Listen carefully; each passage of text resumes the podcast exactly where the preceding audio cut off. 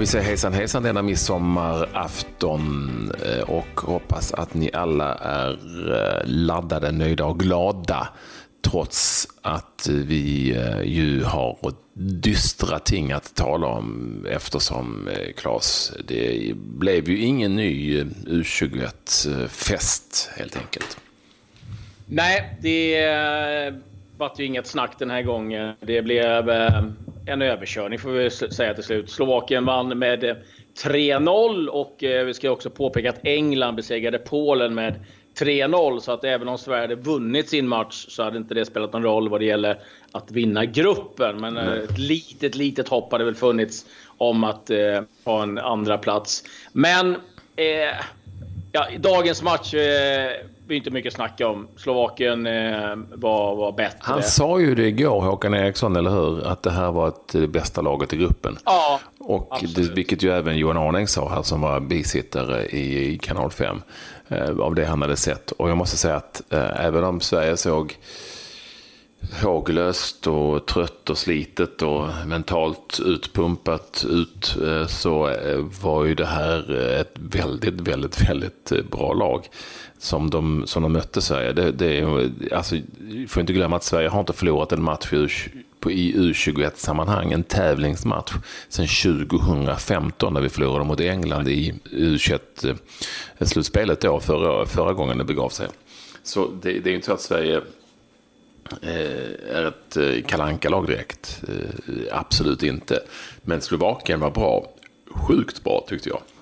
Ja, de, och de har någonting på gång även på seniorsidan så har det ju gått bra. Där är då Hamsik givetvis är den, den stora stjärnan. Men även många av de här yngre spelarna spelar ju i, i ganska bra lag. Kanske inte sådär kända lag.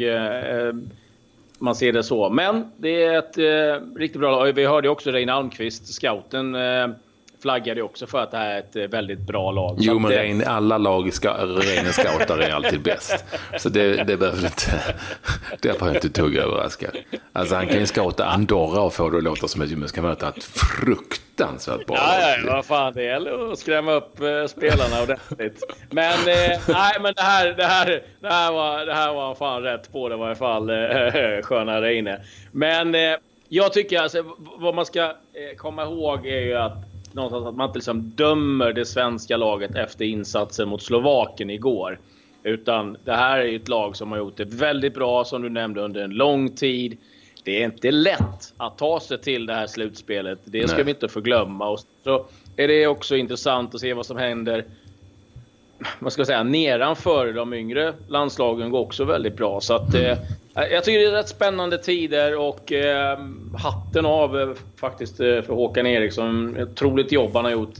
Eh, dels med att eh, vinna hela skiten 2015 och, och ändå som ta ett helt nytt lag till slutspel igen.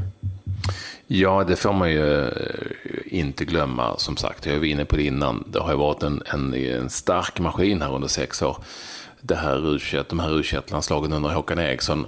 Och det är ju, tycker jag, lite häftigt att vi här har haft en förbundskapten som i extrem utsträckning, för att vara svensk, har rättat sig efter det materialet som han har haft. Det vill säga, det här landslaget spelar ju på ett helt annat sätt än det förra gjorde. Just med tanke på att, som han var kanske inne lite på igår, när vi pratade med honom, honom då, att för att det finns eh, den typen av spelare och då tyckte han att det gick att spela så och det fungerade bäst.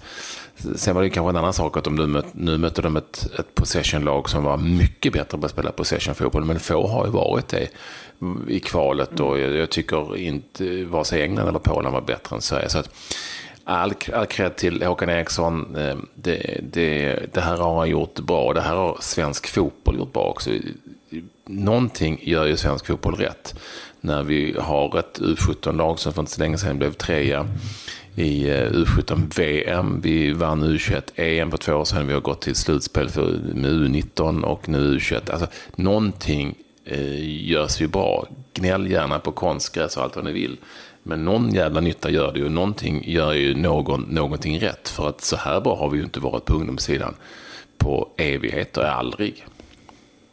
Nej, det är eh, otroliga eh, resultat som man gör och även på, eh, på tjejsidan så går det ju riktigt bra. Både på eh, för och eh, för de lagen underifrån. Så att, nej, det, det är spännande och, och vad som är. Det är mycket tipselit pratar man ju om att det är det som ger resultat nu. Den satsningen eh, som har pågått under många år. Att akademierna runt om i, i landet eh, har börjat mm. sätta sig. Så att det, det, är, det är många olika sätt. Och sen vissa spelare kommer...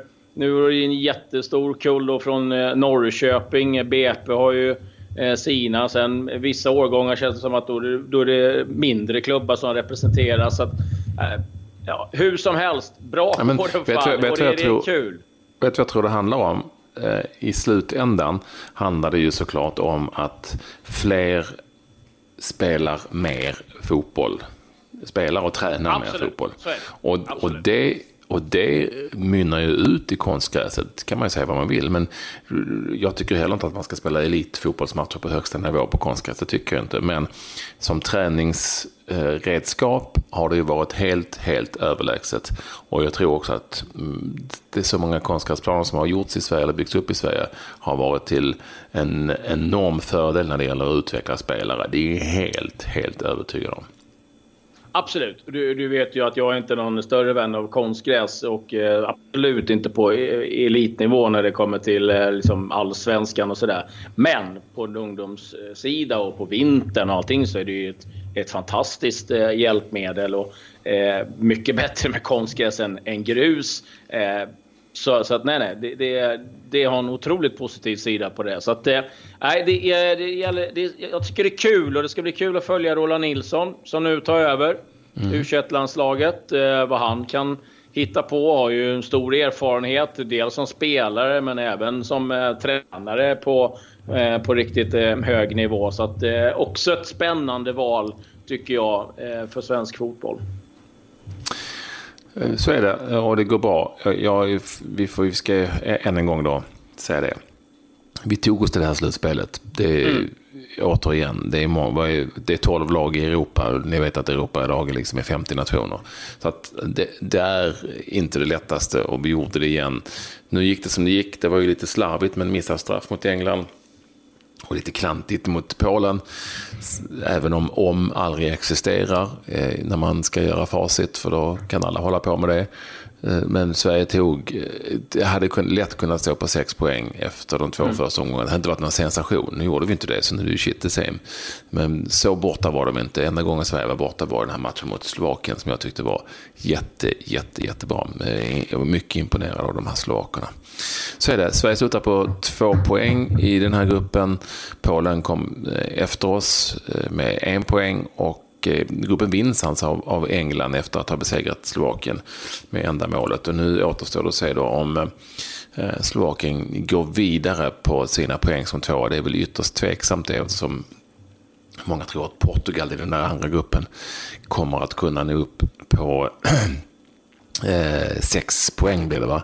Och eh, går, eller till och med ännu mer, ja, men sex poäng. Så, och då går de sannolikt kanske vidare då på bättre. Men det är lite konstigt att Slovakien måste ju så vänta här ett dygn på att plugga vidare. Den är, den är lite, den är lite udda. Men...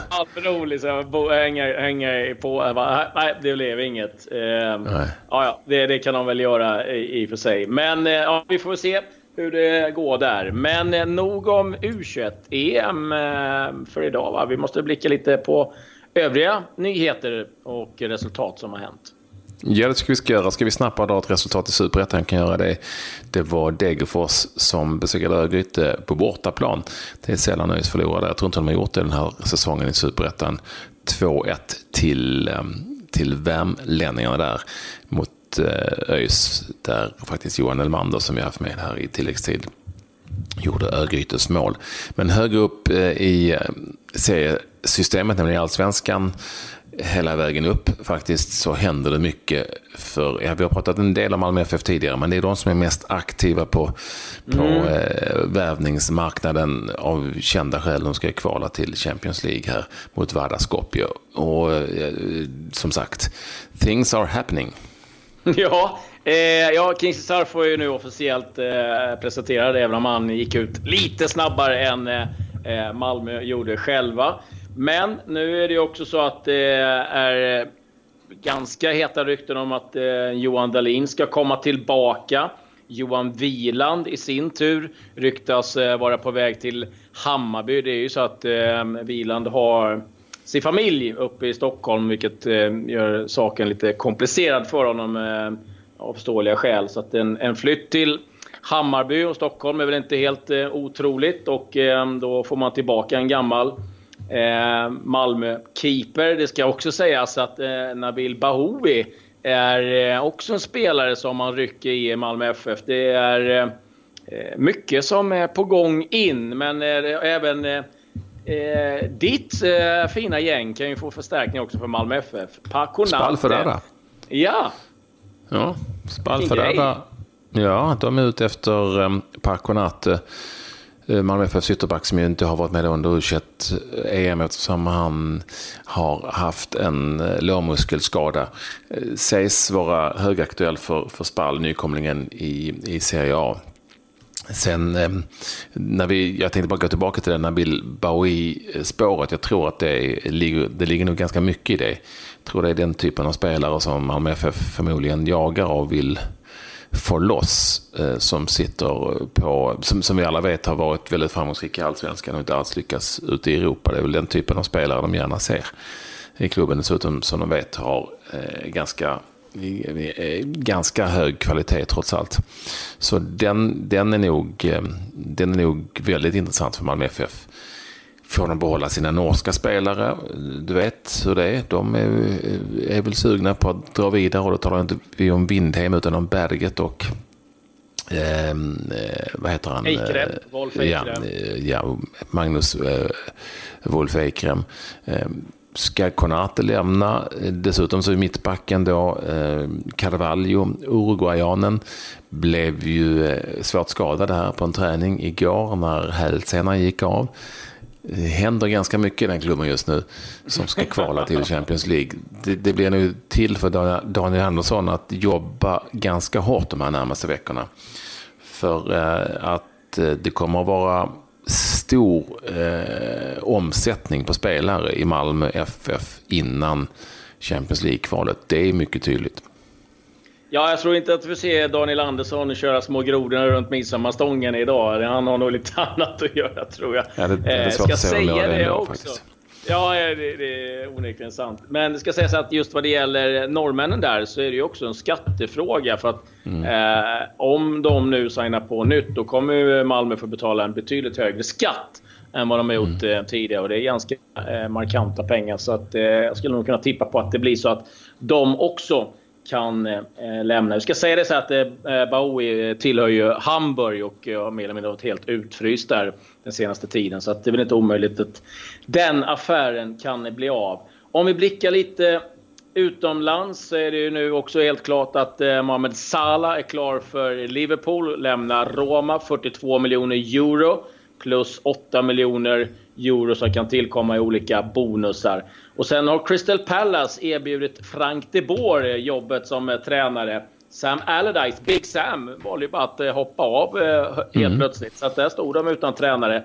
Så nu verkar det som att det kan bli Frank de Boer som senast fick sparken från Inter som då kan ersätta. Men det får vi se. Mm. Vi får väl det. Mm. Det finns alla anledningar att hänga med i tilläggstid under varje dag, 15 minuter varje vardag. Eh, inte minst i ett läge nu när eh, det händer mycket på eh, värvningsmarknaden. The silly season är igång och kommer ju bara att aktiveras starkare och starkare under de dagarna som ligger framför oss här. Snart har dessutom allsvenskan eh, också igång för den delen. Så det finns, det finns eh, någonting för oss att prata om och häng på för tusan för eh, vi kör ja. nu hela månaden ut. Och det finns några önskemål, frågor så vet ni. Vi finns på Twitter, vi finns på Instagram. Claes Andersson 9, där hittar ni mig både på Twitter och Insta. Och på Twitter heter jag att Ekvall med W eh, enbart. Sök på Ekvall så hittar ni mig. Och, och eh, På Instagram så heter jag Patrik med CK Ekvall som jag heter då. Så där finns jag också. Det är bara att höra av er. Med detta säger vi väldigt, väldigt glad och trevlig midsommar. Kul att ni vill vara med oss den här gången också. Mm. Ta det lugnt varannan vatten. Tack.